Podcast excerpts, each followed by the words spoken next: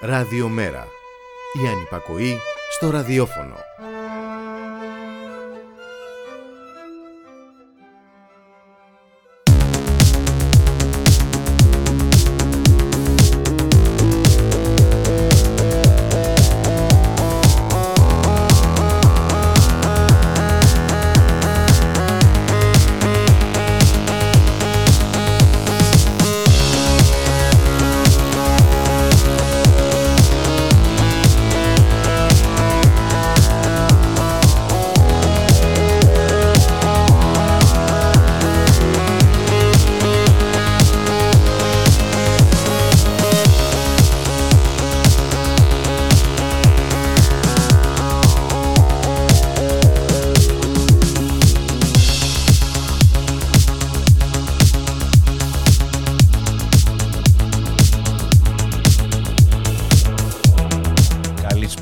σας. Άλλο ένα παραλαπούς ξεκινάει σήμερα. Με τον Γιώργο Νομικό στην, ε, στην, στον ήχο. Αλλά έγινε ένα τύχημα σήμερα. Ο αρχισυντάκτης εδώ της εκπομπής ο φίλος Μωτάκης, ο Κουρκουρίκης ε, έσπασε το ποδαράκι του και είναι στο νοσοκομείο. Να το ευχηθούμε να γίνει καλά και να είναι στην επόμενη εκπομπή μαζί μας. Και θα μου κάνει παρέα και στην αρχισυνταξία εδώ η ιεροφίλη Κόκαλη. Γεια σου, Ροφίλη μου. Καλησπέρα. Τα λέμε σε λίγο.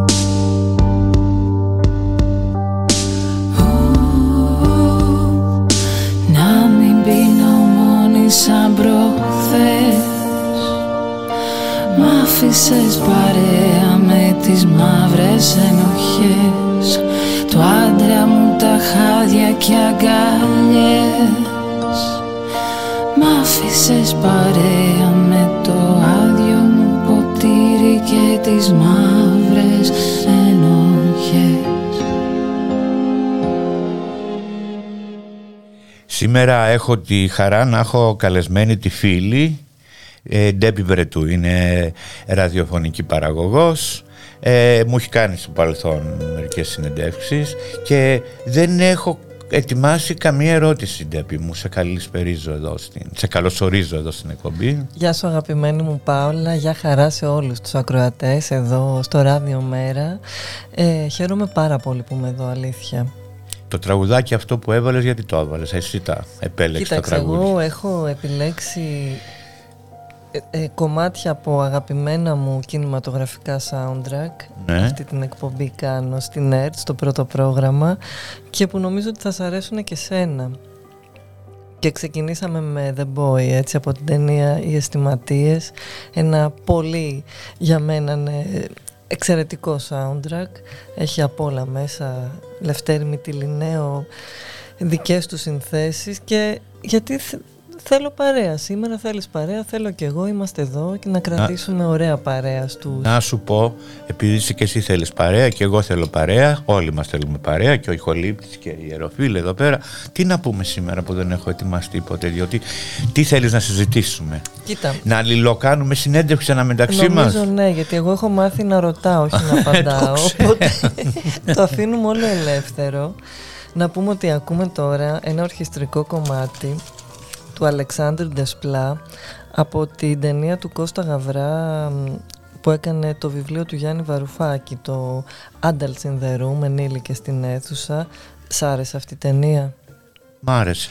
Και εγώ θεωρώ ότι ήταν εξαιρετικά χρήσιμη ταινία παρόλο που τη θάψαν έτσι και αυτοί όπως θάβουν πολλά πολλές συνεντεύξεις του Γιάννη Βαρουφάκη Τον είδα σήμερα, τον είδα σήμερα. Ε, είχα πάει, μου είχαν στείλει μια πρόσκληση για το Μουσείο Μοντέρνας Τέχνης και τον συνάντησα εκεί, ε, το Γιάννη. Να σου πω, Τι γινόταν εκεί για δώσε Νομίζω έχει και πάρτι μέχρι αργά ε. είχε και πάρτι, ε. Μμ. Ω, το Θα χάσα. πάμε μετά Λες, Ε πάμε θα έχει και τίποτε φαγητό; Δεν ξέρω πλάκα κάνω, πλάκα κάνω.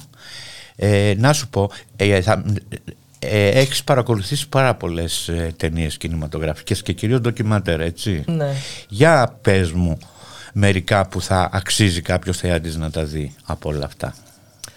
Α, κοίτα, είναι τόσα πολλά. Η αλήθεια είναι ότι αυτή τη στιγμή στην Ελλάδα από κινηματογραφική έτσι, παραγωγή ντοκιμαντέρ πάμε πάρα πολύ καλά. Δηλαδή γίνονται ας πούμε πάνω από 200 ταινίες το χρόνο και τώρα έτσι στην ε, πανδημία. Έχουν ας πούμε ξεκινήσει και τα προγράμματα χρηματοδότησης ε, και το 1,5% που δίνει η ΕΡΤ και το ΕΚΟΜΕ που βοηθάει πάρα πολύ. Οπότε γίνεται, γίνεται δουλειά, γίνεται παραγωγή. Δηλαδή στο φεστιβάλ ας πούμε και της Θεσσαλονίκης που είναι έτσι το ας πούμε η όλη η ελληνική παραγωγή σχεδόν περνάει από εκεί γίνονται πράγματα και τώρα με, τα, με τις επιδοτήσεις που δοθήκαν λόγω του COVID ε, το θέμα είναι ότι στο σινεμά δεν πολύ ταξιδεύουν, δεν φτάνουν τα ντοκιμαντέρ, δηλαδή είναι λίγες οι αίθουσες που παίζουν. Εντάξει, υπάρχουν οι κονσόλες, Netflix, Netflix, ε, Sinobo και όλα αυτά που βλέπει ο κόσμος, νομίζω. Και γενικά έτσι υ- υπάρχουν, πολ- υπάρχει πολύ, δηλαδή ανθεί και στην Ελλάδα αυτό το είδος, απλά οι σκηνοθέτες περισσότεροι μου λένε ότι είναι η χρηματοδότηση εκ των έσω, δηλαδή δεν συγκρίνονται με τις ξένες παραγωγές. Εμένα δεν μου έχει δώσει κανείς χρηματοδότηση ποτέ Αυτό. και έχω ετοιμάσει δύο project από το Σεπτέμβριο που πρέπει να τα βάλω μπρος για να τα κάνω ε, και δεν, δεν ξέρω πού θα βρω Παόλα, λεφτά. πρέπει να, να κυνηγάς πολύ τα, αυτά τα media, τα ευρωπαϊκά προγράμματα κλπ. που είναι μια ολόκληρη δουλειά. Δηλαδή, τα ξέρω κιόλας. Πρέπει να έχεις έναν παραγωγό, δηλαδή πολύ αστέρι, να μπορεί να σου κάνει τις αιτήσεις, να καταθέτει φακέλους κλπ. Δηλαδή όσοι παίρνουν ας πούμε από τα ευρωπαϊκά αυτά προγράμματα θέλουν, θέλει δουλειά. Για πες μερικές, μερικά ντοκιματέρ και ελληνικά και ξένα που έχεις παρακολουθήσει και σου κάνανε εντύπωση χωρίς να Λοιπόν. υποτιμήσουμε τα άλλα. Θα ξεκινήσω από τις πικροδάφνες. Εντάξει, άστο αυτό. δεν το είπα για να πεις για τις πικροδάφνες. Κοίτα, όχι, μου άρεσε πολύ σαν δουλειά. Έτσι, νομίζω ότι είναι μια σπουδαία καταγραφή ε, της νυχτερινής Αθήνας, της συγκρού που δεν είναι πια όπως πρώτα, έχουν ξεριζώσει τις πικροδάφνες κλπ. Και είναι έτσι μια ταινία έτσι που την είδα στο μικρό κόσμο πρόσφατα που προβλήθηκε από το ΜΕΤΑ και πραγματικά τη χάρηκα.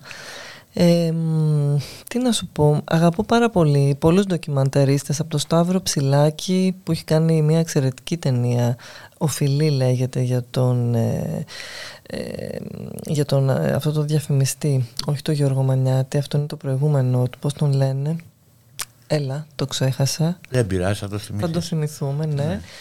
Ε, Εντάξει, μου αρέσουν πολύ και τα μουσικά ντοκιμαντέρ. Θεωρώ ότι είναι ένα εξαιρετικό είδος και τα πολιτικά. Έτσι, Γιώργος Αυγερόπουλος. Καταπληκτικός είναι. Ε, βέβαια. Νομίζω είναι από τους μεγαλύτερους ε, εδώ στην Ελλάδα. Έτσι. Και τώρα ανυπομονώ να δω τον Τόντο του, του Κούτρα που τον είχε συγκαλεσμένο και όσοι την είδαν την ταινία μου είπαν ότι είναι η καλύτερη του. Και εγώ άκουσα τα καλύτερα λόγια. Ναι, εντάξει. Η Στρέλα για μένα είναι μία από τις καλύτερες ταινίες που έχουν γίνει έτσι δηλαδή θεωρώ από τις καλύτερες ταινίες της τελευταίας ας πούμε δεκαετίας πότε έγινε παραπάνω είναι παραπάνω από πια δεκαετίας ε, ναι είναι πολλά είναι πολλά Θέλεις να ακούσουμε ένα τραγουδάκι που θα βάλεις εσύ, ποιος αρέσει, ποιο Λοιπόν, το επόμενο είναι, να, από ένα ντοκιμαντέρ είναι, ναι. που είναι από το, από το ένα βήμα μπροστά, One Step Ahead, που ήταν η ιστορία του, του Μπουτάρη ο οποίος ουσιαστικά έπεσε για το θέμα με το αλκοόλ που όλοι ξέρουμε και στάθηκε στα πόδια του και διεκδίκησε και πήρε τη Δημαρχία της Θεσσαλονίκης. Ένα ντοκιμαντέρ του 2012 είναι και παίζει αυτό το κομμάτι που πραγματικά το αγαπώ πάρα πολύ.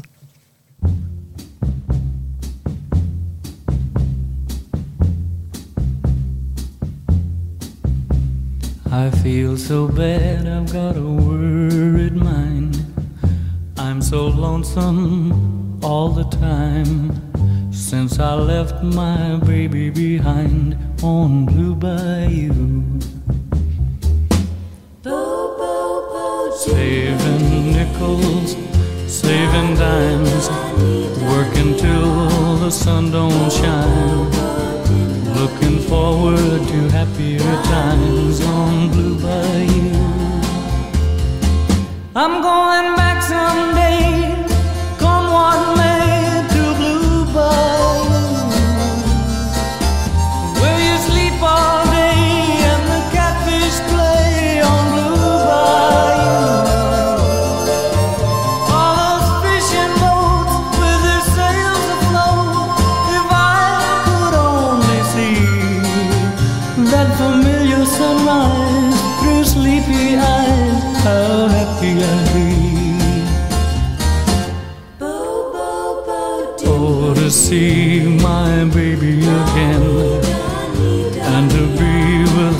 of my friends.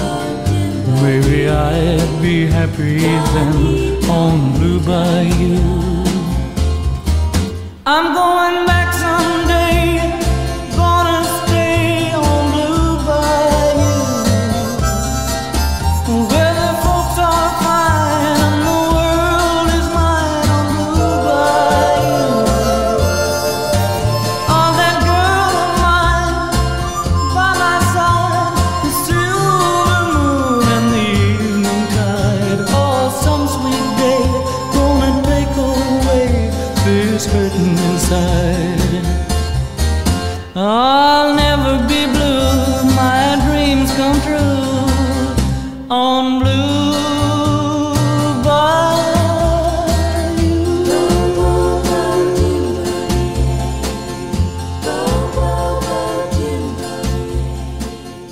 πες μου λοιπόν, για συνέχισε για άλλα ντοκιμαντέρ, για... μας κάνουν και ερωτήσεις.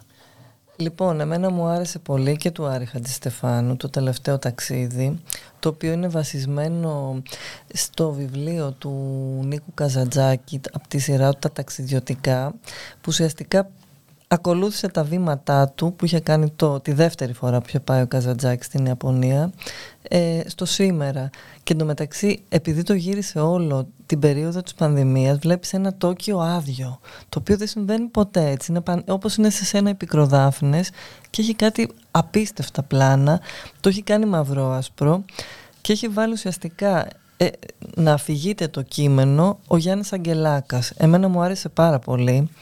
Είχα πάει και στην πρεμιέρα που ήταν στο Τριανόν και ήταν εκεί ο Γιάννης Αγγελάκας ε, όπου ξέρεις πολλοί του κάναν την ερώτηση αν ξέρω εγώ αγαπάει τον Καζατζάκη και έκανε κάτι τέτοιο δεν τον ήξερε δεν, δεν τον, όχι δεν τον ήξερε αλλά δεν τον είχε σε πώς να σου το πω γιατί θεωρείται έτσι ένας συγγραφέας ας πούμε που είναι έξω από τη δική του γκάμα ε, και πολλοί μάλιστα θεωρούν ότι είναι τόσο χαρακτηριστική η φωνή του Γιάννη Αγγελάκα για αυτή την ταινία που ε, χάνεται το κείμενο του, του Καζαντζάκη. Εγώ πάλι νομίζω ότι ε, κάνει, γνωρίζει τον, τον Καζαντζάκη στα νέα παιδιά, τον κάνει πιο ροκ, γιατί νομίζω ότι είναι ροκ το κείμενο του Νίκου Καζατζάκη έτσι και η ασκητική και το συγκεκριμένο.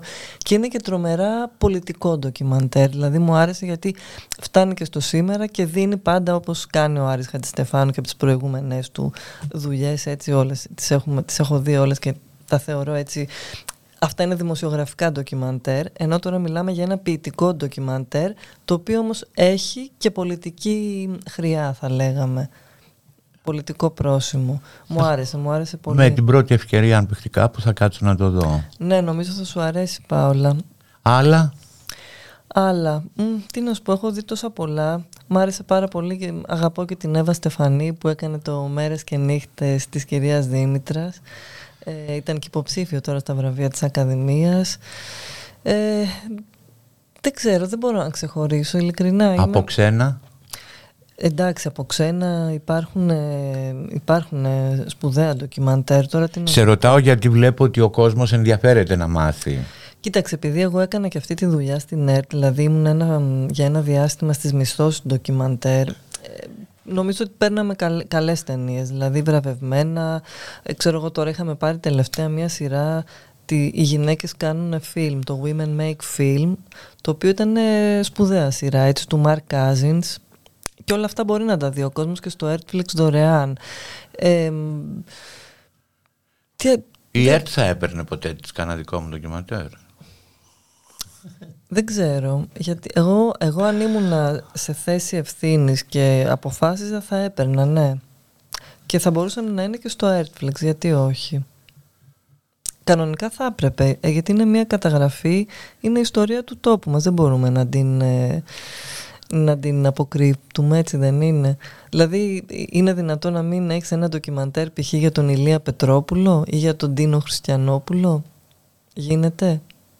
Ποιο τραγουδάκι θες να ακούσουμε τώρα; Λοιπόν, τώρα έχω από ένα ντοκιμαντέρ τους Χαμπανιέρος, έτσι ένα πρόσφατο, το είχαμε πάρει και στην ΕΡΤ. Θα πάμε λίγο Κούβα, έτσι, μια που είναι και καλοκαίρι. Το αχ, θέλω να πάω στην Κούβα. Το όνειρό μου να πάω στην Κούβα. Αχ, έχω πάει, θα σου πω μετά. Έχεις πάει, πες μου τώρα, τι να μου πεις μετά; Ε, τι να σου πω, είχα την τύχη να πάω το 2016, λίγο πριν πεθάνει ο, ο Φιντέλ. Ναι. Και μάλιστα να ζήσω τα γενέθλιά του τα 90 τα οποία τα γιορτάζαν έτσι όλο το μήνα, όλο τον Αύγουστο παντού. Και ήταν εντυπωσιακή η αγάπη που είχε ο κόσμος για αυτό τον ηγέτη. Πραγματικά και ιδιαίτερα στον Κάμπο, έτσι, δηλαδή στην, ε, στην επαρχία ας πούμε. Εντάξει και στην Αβάνα αλλά στον Κάμπο έβλεπες παντού μπαλόνια ε, χρόνια πολλά Φιντέλ ε, χαρούμενα 90 κλπ και ναι είχα την τύχη αυτή Πώς εξηγείς ας πούμε η Κούβα που είναι δίπλα στην Αμερική που έχουν γίνει εκατοντάδες προσπάθειες για να πέσει αυτή η κυβέρνηση να στέκεται ακόμη; Τη στηρίζει ο κόσμος; Κοίταξε, τη στηρίζει ο κόσμος και νομίζω ότι είναι και θέμα ηγετών. Έτσι. Δηλαδή όταν είχες ας πούμε ηγέτες σαν τον Φιντέλ που μην νομίζεις τα νέα παιδιά θέλαν να αλλάξει το καθεστώς. Απλά καταλαβα... τώρα καταλαβαίνουν τι εστί όλο αυτό που έχει γίνει, που έχουν δωρεάν υγεία, παιδεία. Εγώ δηλαδή αυτό που είδα νοσοκομεία σε κάθε πόλη, δημόσια υγεία για όλους τους κουβανούς. Όλοι έχουν φαγητό, όλοι έχουν μία στέγη, ναι δεν έχουν looks σπίτια, αλλά μη τι άλλο δεν είναι στο δρόμο. Και κυρίως έχουν χαρά Πάολα. Εμένα αυτό είναι που, που μου αρέσει, ότι υπάρχει χαρά. Δηλαδή οι άνθρωποι είναι χαρούμενοι, γελάνε, χορεύουν. Διασκεδάζουν. Και να είναι- σου πω και κάτι, ακόμα και η πορνεία που είδα δηλαδή, ξέρεις με τι, ήταν αισθητικά, ήταν όμορφη, δηλαδή έβλεπες ας πούμε, είχε μια γλύκα, δεν ήταν ξέρω εγώ κάτι εσχρό όπως είναι τα, στην Ταϊλάνδη π.χ. Δηλαδή ήταν μια... Με στυλ και με... Ναι, ναι. Εντάξει, τώρα έχουν αλλάξει και εκεί τα πράγματα και τώρα μετά το θάνατο του Φιντέλ ας πούμε σίγουρα θα αλλάξουν. Έχει έρθει το ίντερνετ, ήδη νέοι θέλουν Να ταξιδέψουν. Θέλουν να φύγουν. Εντάξει, κάποια πράγματα τώρα εδώ που τα λέμε είναι σκληρά, αλλά πρέπει να βλέπουμε ας πούμε, τις δομές και όλα αυτά που, έχουν, ε, που μείνανε. Έμεινε η υγεία, η ιατρική τους που είναι σπουδαίοι γιατροί. Ας αλλάξουν, αλλά τουλάχιστον ας κρατήσουν τα βασικά πράγματα που είναι η παιδεία, Αυτό. η υγεία, να έχει ένα σπίτι, να μείνει άλλος στο δρόμο. Αυτό, αυτό, μακάρι. Μακάρι γιατί είναι τα, τα βασικά τα οποία ε, όλοι τα, για αυτά παλεύουμε έτσι και εδώ. Για να έχουμε δημόσια υγεία, να μην ε, γίνει ιδιωτικοποίηση. Όπως πάει, το πάει έτσι. Το πάει ο Κούλης, Λαού, ε. λαού. Δεν θα τα καταφέρει. Μακάρι.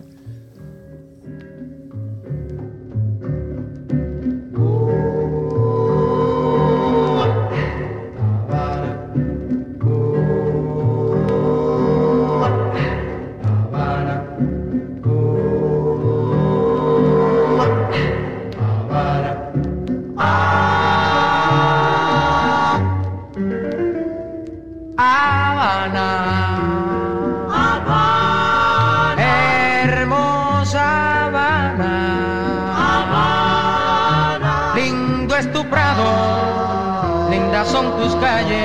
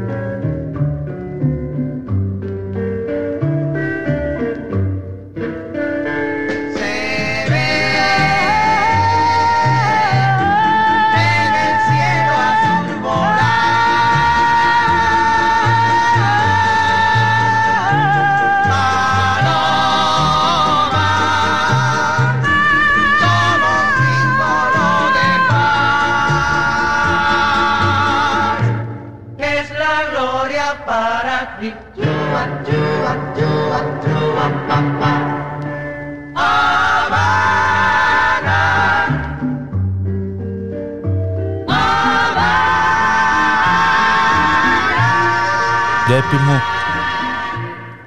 Habana. Ντέπι μου, μου είπες προηγουμένως για την Κούβα ότι υπήρχε και πορνεία. Φυσικά υπάρχει και πορνεία. ναι. Ε, Και υπάρχει και, πολύ, και αντρική πορνεία και αγόρια που προσφέρονται. Αλλά εγώ νομίζω ότι καμιά κοινωνία δεν είναι υγιής αν είναι αναγκασμένα, αναγκασμένα όχι από επιλογή τους, τα άτομα να κάνουν πορνεία για να μπορέσουν να ζήσουν. Φυσικά Πάολα και είναι κάτι που το ξέρεις και εσύ καλά και που ναι, το θέμα είναι να, να μην φτάνει κάποιος να, να μην το κάνει από επιλογή αυτό. Έτσι ακριβώς. Τι θα ήθελες Αλλά να- και η αισθητική όμως είναι σημαντικό. Ε, είναι παίζει ρόλο επαναστατική, βέβαια. δεν Αλλιώς είναι. είναι και εμένα, ε, και εμένα με σόκαρε όταν πήγα στο Άμστερνταμ, ας πούμε, και είδα τις ε, γυναίκες, ξέρεις έτσι, με σόκαρε. Δεν με σόκαρε, θέλω να σου πω τώρα. Εντάξει. Πώς τα βλέπουμε, τα, ε, μόνο οι, τα άτομα που δουλεύουν σε αυτή τη δουλειά μπορούν να πουνε Οι απ' έξω, Ναι. Δεν καταλαβαίνουν μερικά πράγματα καμιά φορά και τα βλέπουν λίγο λογοτεχνικά τα πράγματα Αχ, ή Παόλα, ποιητικά. Μας έχουν στείλει ένα μήνυμα οι φίλοι μου η Αργυρό από το Βερολίνο. Μπορώ να της πω ένα για έτσι. Να τις πεις ένα για τις Κοίτα να φίλες. δεις τώρα τι ωραία μας ακούει μέχρι και το Βερολίνο. Ε, βέβαια μας ακούνε. Είμαστε... Κάνουμε διεθνή καριέρα. Ειδικά στο Βερολίνο. Ήσουν πρόσφατα έτσι. Πώς Ναι. ήταν τα πράγματα Ε, το εκεί; λατρεύω. Θα μια πόλη που θα μπορούσα να μείνω. Το Βερολίνο το αγαπάω και θα ξαναπάω τώρα. Θα πάω στις ε, 9 του μηνός, θα μείνω 9 μέρες πάλι και ξανά το Σεπτέμβριο. Και έχει και αυτό το μ, εξαιρετικό φεστιβάλ που, που έχει ξεκινήσει ως Ελλάς Film Box που ουσιαστικά είναι το, το ελληνικό φεστιβάλ του Βερολίνου όπως αυτά που γίνονται σε διάφορες Ή πόλεις. στο φεστιβάλ με είχαν καλέσει. Α, σε αυτό έτσι. Ναι, στο φεστιβάλ και χάρηκα κιόλας γιατί ήταν η μόνη ταινία που ήταν sold out, πολλοί κόσμος και μεγάλη επιτυχία και ένιωσα μεγάλη αγάπη. Στο, μ' αρέσει το Βερολίνο, ρε παιδί μου. Μα ξέρεις γιατί μ' αρέσει, γιατί έχει μια ελευθερία που δεν την έχεις άλλο. Δηλαδή, όπως και να κυκλοφορήσεις, ό,τι και να βάλεις επάνω σου, είτε φτηνό είτε ακριβό, δεν πρόκειται να ασχοληθεί κανένας. Ασχολούνται περισσότερο με τι προσωπικότητα είσαι παρά με τι φοράς. Αυτή την εντύπωση μου έχει κάνει. Ναι. Είναι, είναι. Ωραία πόλη. Εγώ το κρύο δεν αντέχω να σου πω την αλήθεια. Το ναι, ναι, εκεί. το κρύο είναι ταλαιπωρία. Άλλες χώρες που έχεις επισκεφτεί; Α, κοίτα, έχω, η αλήθεια είναι ότι όταν ήμουν φοιτήτρια δούλευα και ήταν αυτός ο στόχος μου, να κάνω ένα ταξίδι κάθε χρόνο. Οπότε μ, έκανα αρκετά στα νιάτα μου, έχω πάει στην Ταϊλάνδη, στην Ινδία, ε, μ, στο Νεπάλ, Ε, δηλαδή είχα πιάσει την Ανατολή τότε. Εντάξει, μετά έπιασα και λίγο Λατινική Αμερική, Μεξικό κλπ. Α, κοσμογυρισμένη. Και, και από τα ταξίδια που αγαπώ πολύ είναι το Ιράν. Το έκανα πιο πρόσφατα, έτσι το 2008 νομίζω. Σαν γυναίκα στο Ιράν, πώς; Κοίτα, είναι πολύ δύσκολο. Για είναι, πες μου. είναι πολύ δύσκολο. Ε, καταρχήν εγώ από σεβασμό επέλεξα να φοράω το, πώς το λένε, μαντίλα. τη μαντίλα, εντάξει όχι ολόκληρη, αυτό το χατζί που λένε που το φοράς μόνο στο κεφάλι. Παναγιά μου πώς αντέχουν οι γυναίκες, δηλαδή με 40 βαθμούς να φοράς αυτό το πράγμα. Και είναι κάτι που έχει μπει, έτσι πώς να στο πω, είναι στο DNA τους. Δηλαδή γνώρισα μια κοπελίτσα τότε, η οποία θα έφευγε τον επόμενο μήνα ε, στην- για να πάει στην Αυστραλία να, δου- να σπουδάσει το πανεπιστήμιο εκεί και δεν θα ξαναγυρνούσε προφανώς. Και τη ρώτησα, της λέω φαντάζομαι ότι το πρώτο πράγμα που θα κάνεις μόλις φτάσεις στην Αυστραλία είναι να βγάλεις τη μαντήλα από το κεφάλι σου. Και μου λέει, δεν ξέρω αν θα είναι αυτό το πρώτο, ξέρεις κάτι, είναι μου λέει σαν να βγάλω τα ρούχα μου. Είναι κάτι που πρέπει να το δουλέψω μου λέει στο κεφάλι μου, θα νιώθω γυμνή μου λέει χωρίς αυτό. Και λέω κοίτα να δεις. Έχουν μάθει έτσι από τη στιγμή που είναι ο πολιτισμός αυτός. είναι, και είναι δεν και είναι εκεί εύκολο; το, ένα δύσκολο καθεστώς έτσι πολύ και Ναι. πολιτικά και λοιπά και με τις απαγορεύσεις, φοβερή ροκ σκηνή. Μου κάνει εντύπωση. απίστευτη, δεν μπορείς να φανταστείς. Φοβερά πάρτι σε σπίτια. Δεν πίνουν αλκοόλ, να- δηλαδή είναι όλα, ξέρεις, όλα είναι underground, δεν φαίνονται. Πίνουν και αλκοόλ. Βεβαίως, underground. Τι σε εγωιτεύει όμως αυτή τη χώρα, Ο πολιτισμός της, ο Κοίταξε, τρόπος ζωής έχουν τους; εξαιρετική σχολή κινηματογράφου Α, καταρχήν ναι. και Μ, πολύ καλό φημίζονται. φεστιβάλ να ξέρεις. Ε, ας πούμε μία εικόνα που είδα πήγα στο εντάξει πήγα και στη, στα- να δω την Περσέπολης έτσι γιατί ήθελα να το κάνω ε, έχουν εξαιρετικό πολιτισμό ε, και μία εικόνα που δεν θα ξεχάσω ποτέ είναι όταν ε, στον τάφο των ποιητών έχουν έτσι τον Χάβεζ, έναν ε, πολύ καλό ποιητή έτσι διεθνούς φήμης, πηγαίνουν κάθε απόγευμα, απαγγέλουν τα ποίηματά του, ε, του πάνε λουλούδια και βλέπεις νέο κόσμο και είναι, και είναι ένας πανέμορφος κήπος έτσι, πλατεία και απαγγέλουν επίσης και αυτό. Τους Έλληνες πρέπει να τους αγαπάνε πάρα πολύ. Πολύ, Έτσι. πολύ. Πολύ όπως και στο Μεξικό το ένιωσα αυτό, την αγάπη του κόσμου. Δηλαδή, γιατί δεν ήμασταν ποτέ απεικιοκράτες. Ε, Εντάξει και με την Περσία έχουμε και εκεί κάποια βέβαια, κοινή ιστορία. βέβαια. Πώς ένιωσες με την Περσέπολη που την κατέστρεψε ο Αλέξανδρος; Ε, εντάξει, είναι. Τι- λες, δεν είχαμε απεικιοκράτη, είχαμε τότε. Εντάξει. Να ακούσουμε τίποτε πάλι πιο Λοιπόν, λες. τώρα έχω Nick Cave, ο οποίος ήταν και χθες εδώ, έτσι. Ναι. Ε, αγαπημένος, έγινε χαμός στην πλατεία νερού. Ήταν, λέει, πάρα πολύ ατμοσφαιρική η συναυλία Άκουγα, του. είδα όμως και πολλά αρνητικά σχόλια εναντίον του, δεν θυμάμαι γιατί. Ε, τώρα μωρέ αυτός έχασε και το δεύτερο του παιδί και είναι, ήταν δηλαδή έτσι φορτισμένος μου είπαν συναισθηματικά. Εγώ δυστυχώς δεν πήγα λόγω του ποδιού, δεν μπορούσα. Ε, αλλά ναι, ήταν, νομίζω ότι έχει το κοινό του στην Ελλάδα και ίσως ο χώρος είναι που δεν βοηθάει. Εμένα δεν μ' αρέσει εκεί. Είχα πάει πέρυσι.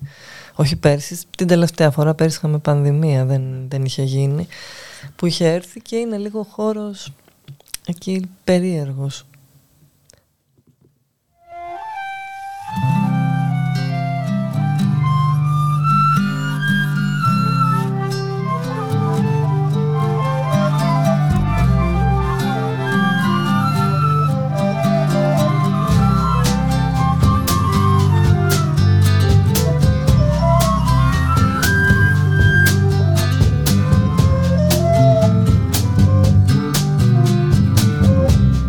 It's up in the morning, it's on the downs, and little white clouds like a gambling lambs. And I am a breathless over you. And the red breasted robin beats his wings a throat it trembles when he sings. For he is helpless before you. And the happy hooded bluebells bow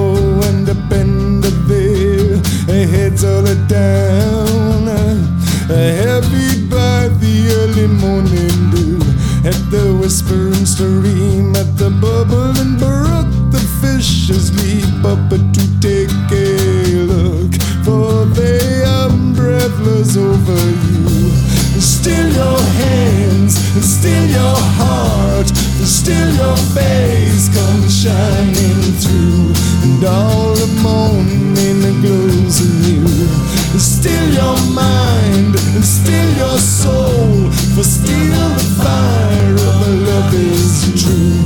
and I am a breathless without you.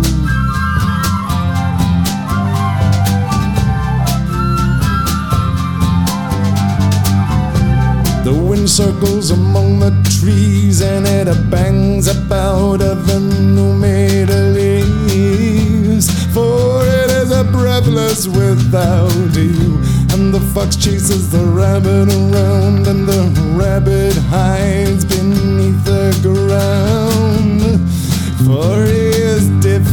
defenseless without you. The sky of daytime dies away, and all the earthly things they stop to play. For we are all breathless without you. I listen to my jaw-tearing bones and the blood in my veins, the wind in my lungs. And I am a breathless without you. Still your hands, your face comes shining through. And all the morning glows anew. Still your soul, and still your mind, but still the fire of our love is true. And I am a breathless without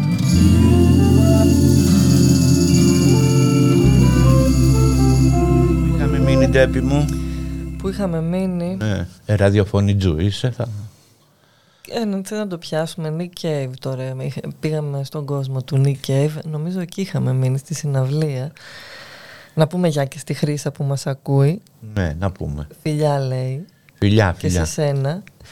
Λοιπόν, αυτό είναι από το Peaky Blinders. Έτσι, είναι από την αγαπημένη σειρά. Γιατί ever, έτσι. Έξι κύκλους έχει κάνει το BBC. Την είχαμε πάρει και στην ΕΡΤ. Την είδα, στην ΕΡΤ την είχα δει Ναι. όλη. Καλά, τα πιτσιρίκια όλα τα έχουν δει, ξέρεις, τα κατεβάζουν, τα βλέπουν πιο πριν και λοιπά. Netflix βλέπεις; Βλέπω, ναι. Και τώρα και το Συνόμπο βλέπω. Είμαι τώρα δηλαδή ε, και σε αυτό γιατί έτσι έχει πιο συναφίλ πράγματα. Είδα πολύ στην πανδημία, Netflix. Τώρα έχω κρατήσει μόνο το Συνόμπο, δεν μπορούμε να πλη- πληρώνουμε πολλές κονσόλες και Και υπάρχει και το Mubi το οποίο είναι εξαιρετικό και αυτό ωραία κονσόλα. Αλλά πόσε να έχεις και το Airtflix. Τη Ert πραγματικά νομίζω ότι είναι δωρεάν και είναι πολύ ωραίο. Έχει πολύ ωραία πράγματα. Εγώ από το Netflix ε, ε, μια σειρά που πραγματικά ε, χάρηκα και την απόλαυσα ήταν τους Vikings. Μμ, Εκπληκτικοί ηθοποιοί, ναι. ε, τα κουστούμια τους, ωραία πρόσωπα, συγκινητικό. Πάρα πάρα πολύ ωραία σειρά ήταν. Ναι, εγώ δεν βλέπω σειρές, να σου πω την αλήθεια. Μόνο το Peaky Blinders είχα δει γιατί μου- τρελάθηκα με τη μουσική του και με την αισθητική του πάρα Τώρα πολύ. να σου πω εγώ όταν αρχίζω να δω μια σειρά μπορεί να δω 12 επεισόδια σε μια μέρα, γι' αυτό τις αποφεύγω. Ναι, είναι κόλλημα. Κόλλημα, κόλλημα. Όλα, όλα τα πιτσιρίκια και η κόρη μου το ίδιο κάνει. Κάτι ήθελες να με ρωτήσεις; Τι ήθελα να σε ρωτήσω; Πάντα θέλω να σε ρωτάω πράγματα. Α, ναι, είδα ένα ωραίο μ, 16 λεπτό ντοκιμαντεράκι που είστε μαζί με την Εροφίλη εδώ, το οποίο μου άρεσε πάρα πολύ. Δηλαδή έτσι υπόθηκαν πολύ ωραία πράγματα. Πότε έγινε αυτό, θα κυκλοφορήσει κάπου; Ε, μια- η- είναι και συνεργάτης μου στα ντοκιματέρ η, η, η Δανάη. Μμμ. Ε, να σου πω την αλήθεια, εγώ δεν το είδα. Όχι, είναι δεν πολύ... πρόλαβα να το δω. Μ' άρεσε πολύ, είναι έτσι και τα πλάνα του τα νυχτερινά και, που, και αυτά που λέτε, δηλαδή είναι ωραίο, ωραίο, θα ταξιδέψει, Είναι- νομίζω είναι ελεύθερο στο διαδίκτυο, έτσι. Ναι, ναι. Θα κάτσω να το δω κι εγώ σήμερα που θα πάω σπίτι. Να κάτσεις, ετοιμάζεις εσύ Πάολα τώρα άλλο ντοκιμαντέρ, κοίτα τώρα η- η- ε, ανταλλάξαμε ρόλους. Ετοιμάζω ένα το οποίο ε, θέλει πάρα πολύ δουλειά και έρευνα και χρήμα για να γίνει, να μην το πω, και ένα άλλο που θα είναι μια συνέχεια από τις πικροδάφνες, αλλά δεν θα είναι ε, πικροδάφνες. Θα είναι κάτι άλλο πάλι. Θεωρείς το ντοκιμαντέρ πολιτική πράξη; Ανάλογα πώς το χειρίζεσαι και τι παρουσιάζεις. Μμμ. Έτσι είναι. Εγώ νομίζω ότι ε, τα ντοκιμαντέρ πρέπει να είναι και ψυχαγωγικά, πρέπει να είναι και πολιτικά, πρέπει να είναι... Είναι δύσκολο πράγμα το ντοκιμαντέρ γιατί θέλει, πολύ ομαδι... θέλει ομαδική δουλειά. Δηλαδή αν π.χ. αυτός που χρησιμοποιεί την κάμερα ή αυτός που κάνει το μοντάζ δεν το πετυχαίνει, δεν το κάνει καλά, χάνονται τα πάντα. Έτσι λειτουργεί το ντοκιμαντέρ. Πρέπει να έχεις πάρα πολλούς καλούς συνεργάτες. Έτσι ναι, είναι ομαδική δουλειά. Ενώ το ραδιόφωνο είναι πιο ατομική, πιο μοναχική. Ε. Σα- Για πες, σ' αρέσει; Το Να έχεις σου πω την αλήθεια, ε, ο Γιώργος από εδώ που με έχει ζήσει από την αρχή στο ραδιόφωνο, στην αρχή φοβόμουν, έτσι έτρεμα.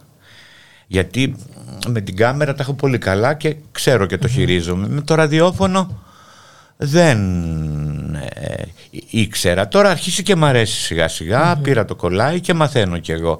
Είναι πιο μοναχικό. Είναι, είναι και μ, ξέρεις με τον καιρό καταλαβαίνεις τη σημασία που έχουν οι λέξεις, ο λόγος και πόσα λάθη κάνουμε έτσι στον προφορικό λόγο όταν μιλάμε. Εγώ αυτό προσέχω. Και όταν είναι και live κιόλας, μην Ναι, πεις καμιά ναι. βλακεία. Ναι, ναι. Άσε.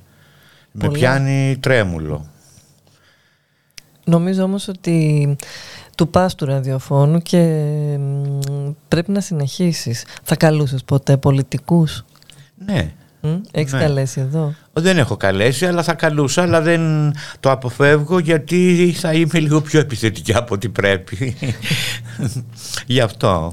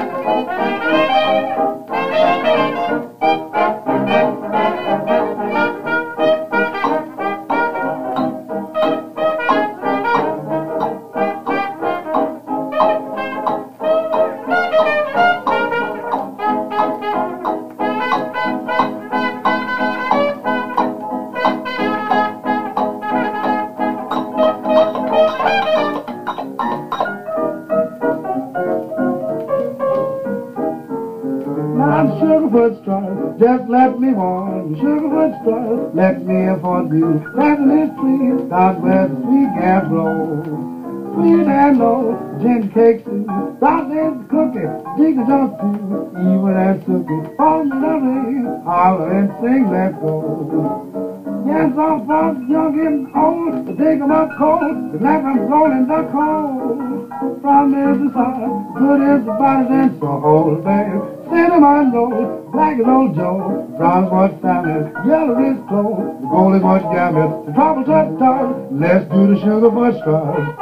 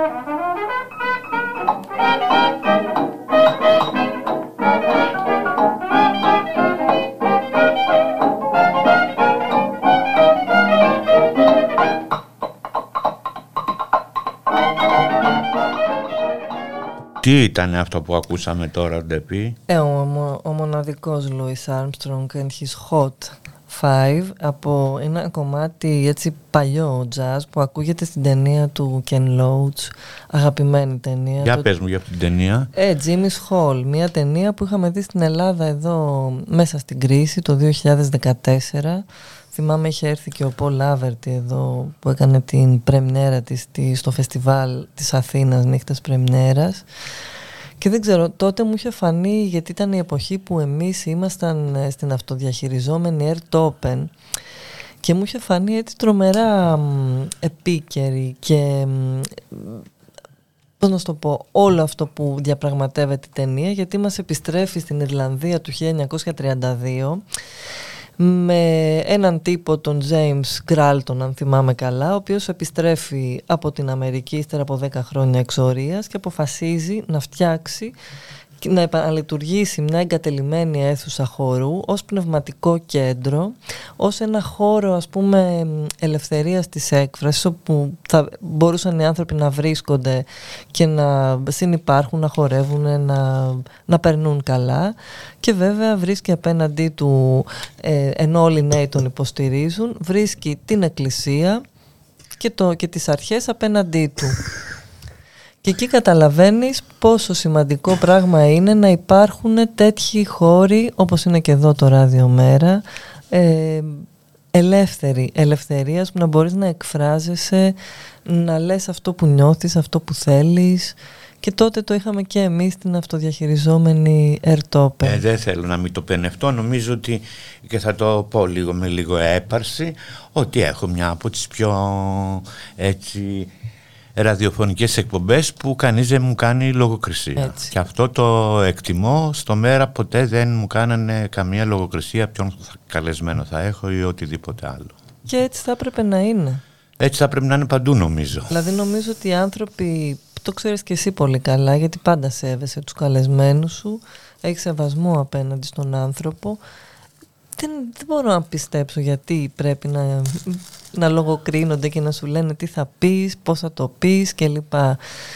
Και δυστυχώς στην εποχή που ζούμε το δείχνουν και οι μετρήσεις έτσι. Στην 108η θέση ήταν, είναι η Ελλάδα στην ελευθερία του τύπου παγκοσμίως και στην Ευρώπη ακόμα πιο... Δηλαδή είναι, πο- είναι πολύ χάλια τα πράγματα. Δεν, μ, Πώς θα βλέπεις τα πράγματα, για πες μου τώρα, πώς βλέπεις τα, αυτά που περνάμε. Πέρα από, Κοίταξε. την, από, την, από τον ε, κορονοϊό. Βλέπεις ας πούμε τι γίνεται. Γιατί δεν αντιδράει ο κόσμος. Πας στο σούπερ μάρκετ και τα πάντα είναι πανάκριβα. Ε, ο άλλος ντρέπεται, να, φοβάται να ανοίξει το λογαριασμό της ΔΕΗ. Ε, π- π- π- και βλέπεις δεν μιλάνε.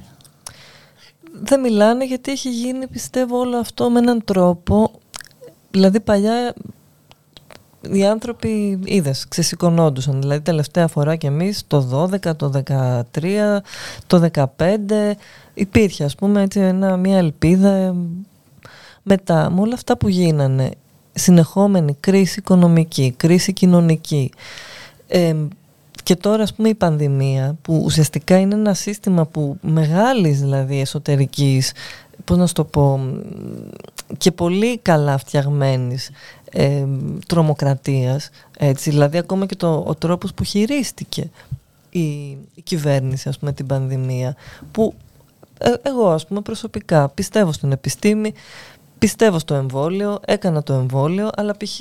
ο τρόπος με τον οποίο το χειρίστηκαν ειλικρινά με έχει θυμώσει τόσο πολύ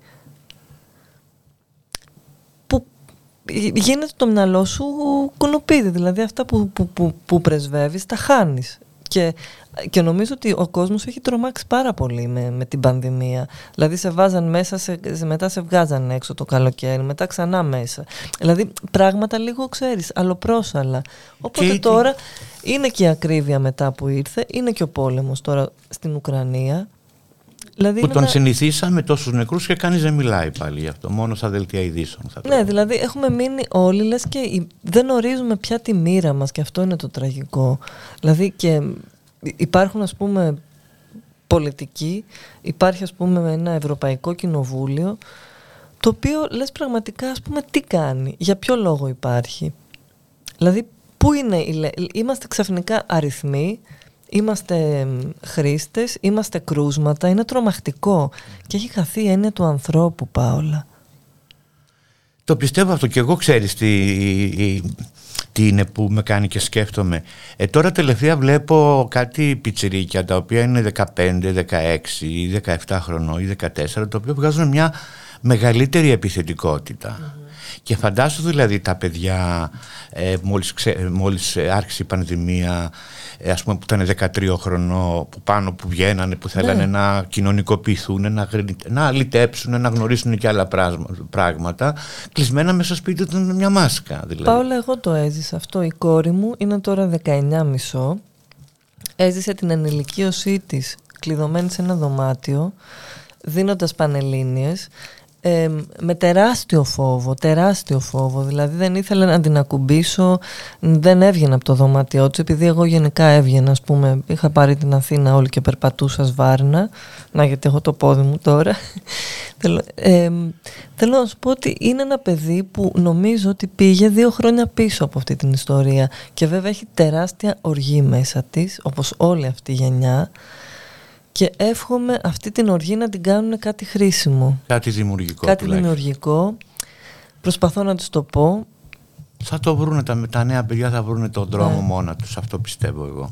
Ναι, και εγώ το εύχομαι γιατί είναι και μια γενιά που έχει μεγάλη πληροφόρηση, έτσι, έχει έχει ανοιχτές και Έχει μόνο πληροφόρηση, αλλά δεν έχει ζωή. Δεν, δεν βγαίνει έξω να εκπαιδευτεί. Δεν έχει. Δηλαδή, παλιά τα νεαρά παιδιά βγαίναν έξω. Υπήρχε αυτή η αλητία με την καλή έννοια του λέω, που μαθαίνανε, βλέπανε πράγματα. Ναι, Τώρα τα βλέπουν μέσα από μια εικόνα, μέσα από ένα ίντερνετ, μέσα από ένα τέτοιο.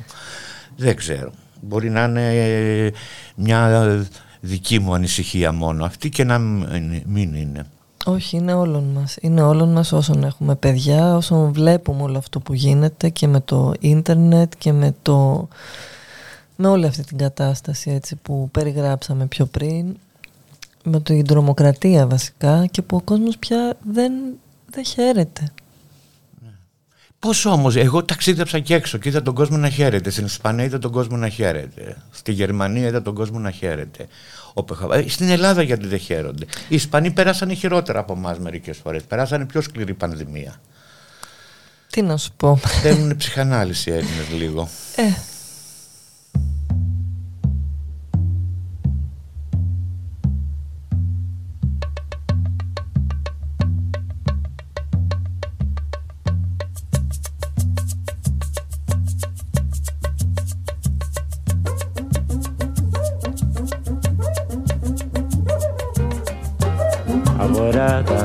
lá no morro, que beleza.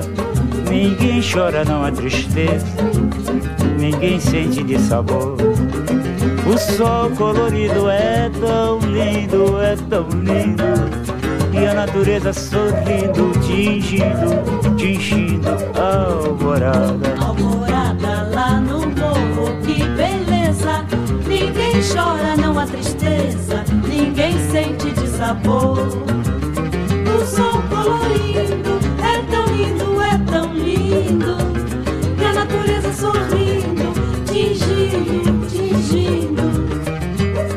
Você também me lembra a alvorada quando chega iluminando.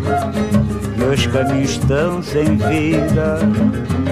E o que me resta é bem pouco, quase nada de que ir assim bacana. Numa estrada perdida, alvorada. Alvorada lá no morro, que beleza. Ninguém chora, não há tristeza, ninguém sente de sabor.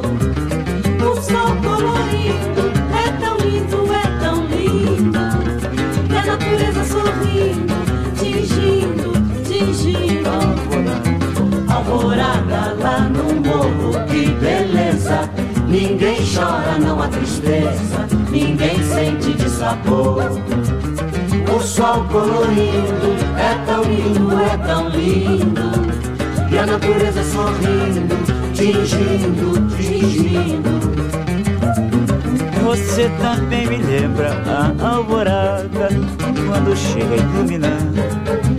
Meus caminhos estão sem vida e o que me resta é bem pouco, quase nada de que ir assim bacana. Numa estrada perdida, alvorada. Alvorada lá no morro, que beleza! Ninguém chora, não há tristeza. Nadior Soso. Προηγουμένως που είπα για ε, Ισπανία και Γαλλία ότι εντάξει ε, οι άνθρωποι θα είναι πιο χαρούμενοι αλλά να μείνουμε και λίγο άδικοι δεν παίρνουν τους μισθούς τις, που, τις οποίους παίρνουμε εδώ εκεί ο βασικός μισθός είναι 1200 ευρώ στην Ισπανία Έτσι και ακριβώς. πόσο είναι 1800 νομίζω δεν ξέρω πόσο είναι στην Γερμανία ή 2000 Είναι αυτά διαφορές, δηλαδή εδώ δεν υπήρχε ποτέ καταρχήν, ε, δεν υπάρχει κράτος Πάολα και δεν έχει εμπιστοσύνη ο Έλληνας στο κράτος, αυτό είναι ένα μεγάλο θέμα. Και είμαστε και κα- έχουμε μάθει να είμαστε και σαν λαός ρε παιδί μου ε, όταν έχουμε λεφτά να, είμαστε, να έχουμε λεφτά να μπορούμε να κεράσουμε και κάτι, να μην Έτσι, είμαστε να- μίζεροι. Ε, ναι, κοίτα, και γίναμε έχουμε- και λίγο μίζεροι. Έτσι, είμαστε φιλόξενοι, αλλά να σου πω, είπαμε, είδες σε πήγα και πριν, Ρίο Ντετζανέιρο, έτσι. Άστα, ένα μη μου λες όλο κομμάτι. τέτοια μου λες Κούβα, Α, μου λες Ρίο Τετζανέιρο, εγώ φαντάζομαι βραζιλιανάκια εκεί να χορεύουν με, Ε, είναι αυ- με από την ταινία γυμνά αυτή. και τέτοια και με ταράζεις τώρα βραδιάτικα μεγάλη Η πόλη γυναίκα. του Θεού, πολύ ωραία ταινία, άμα δεν την έχεις δει να τη δεις. Νομίζω ότι την έχω δει. Ναι, είναι Νομίζω παλιά, ότι την είναι έχω 20 δει. χρονών. Τη θυμάσαι το πισότι, το χαμίνι του Σαν Πάολο; Πρέπει να το. Όχι, δεν το θυμάμαι. Δεν είναι πολύ παλιά ταινία. Είναι πριν 20 χρόνια, 25 χρόνια. Πού να το θυμάσαι. Ίσως Ε, να... τώρα σου έχω βάλει και από ένα τσατσά από το Λανότε. να τα ακούσουμε; Του Αντωνιών. Ε, το ακούμε, δεν πειράζει, όσο μιλάμε. Του 1961. Εγώ ήμουν αγέν, αγέννητη τότε. Ε, αυτό έλειπε. Να σου έχει γεννηθεί το 61. Λοιπόν, εγώ επειδή νομίζω ότι είμαστε και συνοδοιπόροι σας έτσι στο μέρα Ναι. Και να είναι μια τελευταία ελπίδα έτσι που λέμε Να το στηρίξει ο κόσμος. Πρέπει. και να το στηρίξει και είναι αυτό ότι τελικά πρέπει να πιστέψουμε και να πάρουμε τα πράγματα στα χέρια μας. Δηλαδή να, να, ξανα, να ξαναέρθει αυτό, αυτό το όνειρο και ότι τέλος πάντων μπορούμε να αλλάξουμε τα πράγματα, να μην είμαστε απεσιόδοξοι. Σκέψω ότι ο κόσμος έχει περάσει στο παρελθόν από πείνα, από πόλεμο. Εντάξει, είναι δύσκολο αυτό που περνάμε, αλλά πρέπει να το παλέψουμε. Πω, ε, δουλεύεις ε, στο, στην τηλεοραση και στο ραδιόφωνο, σε κρατικά.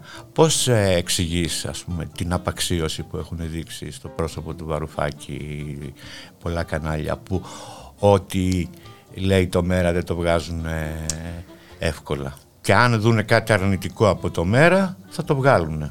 Ναι, γιατί νομίζω φοβούνται την αλήθεια τα μίντια. Αυτή τη στιγμή υπάρχει ένας έλεγχος και ο, ο- το Μέρα και ο Γιάννης νομίζω ονοματίζουν τα πράγματα, τα λένε με το όνομά τους και είναι μια εποχή και μια έτσι... Και κυβέρνηση αυτή τη στιγμή που δεν θέλει. Θα έχει συγκεκριμένο πρόγραμμα και δεν θέλει να ακούγονται αλήθειες, να τους χαλάνε τα, τα προγράμματα, τη σούπα που λένε. Ε, το Σαββάτο γίνεται και το Pride. Ναι. Θα πας; Ε, πιστεύω να καταφέρω για λίγο γιατί και δουλεύω το το, πόδι σου. Σάββατο, έχω και το πόδι μου. Ε, θα ήθελα να ήμουν εκεί. Ε, κάποιοι, που Θα είσαι φο- πάλι, κάποιοι ε. που φωνάζουν ε, ότι δεν πρέπει να γίνονται, δεν πρέπει εκείνο, δεν πρέπει τ' άλλο, τα Pride και όλα αυτά, τι έχεις να πεις πάνω σε αυτό; Κοίταξε, εγώ πιστεύω ότι ό,τι γίνεται είναι καλό. Ό,τι συσπηρώνει τον κόσμο, ό,τι τον ενώνει, ό,τι τον, ε, τον βάζει να είναι μαζί και να διεκδικούν, είναι πράγματα τα οποία έπρεπε, δηλαδή τα δικαιώματα έπρεπε αυτά να έχουν ήδη ε, κερδιθεί. Είναι αστείο να μιλάμε τώρα για δικαιώματα τέτοια. Ας πούμε, ο καθένας μπορεί να δηλώνει την ταυτότητα που, που θέλει. Για μένα είναι, το παν είναι να, να κοιτάμε τον άνθρωπο, έτσι, δηλαδή δεν με, δεν, με- όχι την ταυτότητά του, την σεξουαλική του προτίμηση και όλοι οι άνθρωποι έχουν, πρέπει να έχουν τα ίδια δικαιώματα. Και νομίζω ότι είναι σημαντικό να γίνονται, ναι. Δυστυχώς το θέμα κα- είναι να μην τα εκμεταλλεύονται κόμματα και Α, κυβερνήσεις. έτσι ακριβώς. Αυτό. Αυτό που έκανε και μην πω. Έτσι, Εροφ- ε, ναι, έτσι είναι. Για πες με Ροφίλη τι θέλεις να πει, τι για δεν σ' άκουσα.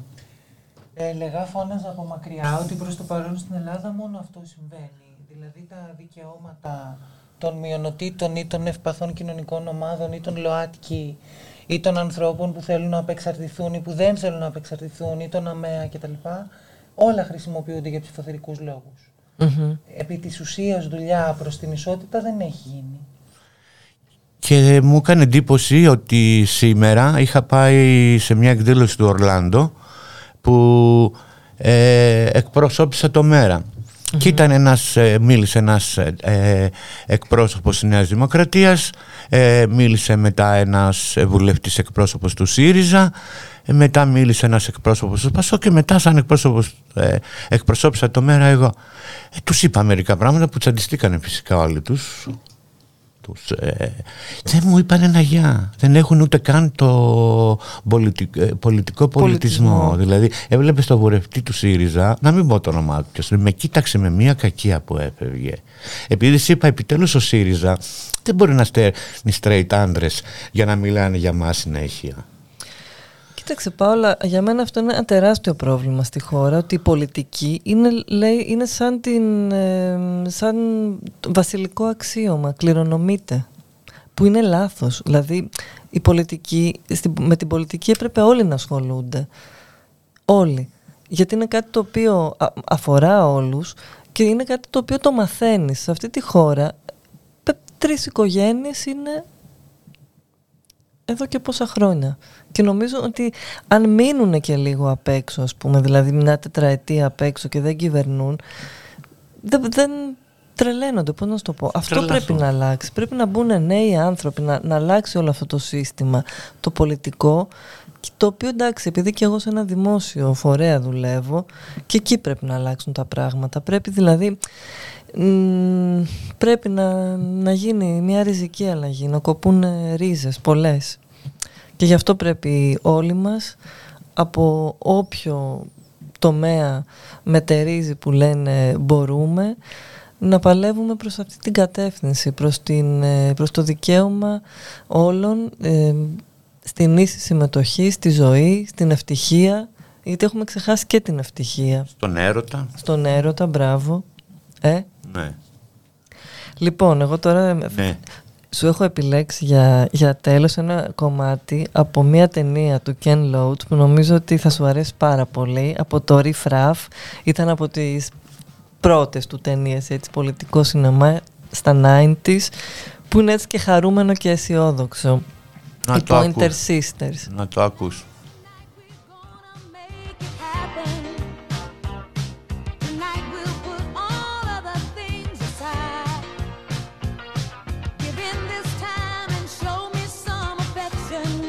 Να με συγχωρείτε, είμαι λίγο κουρασμένη σήμερα και ε, ξεχνιέμαι εντελώς.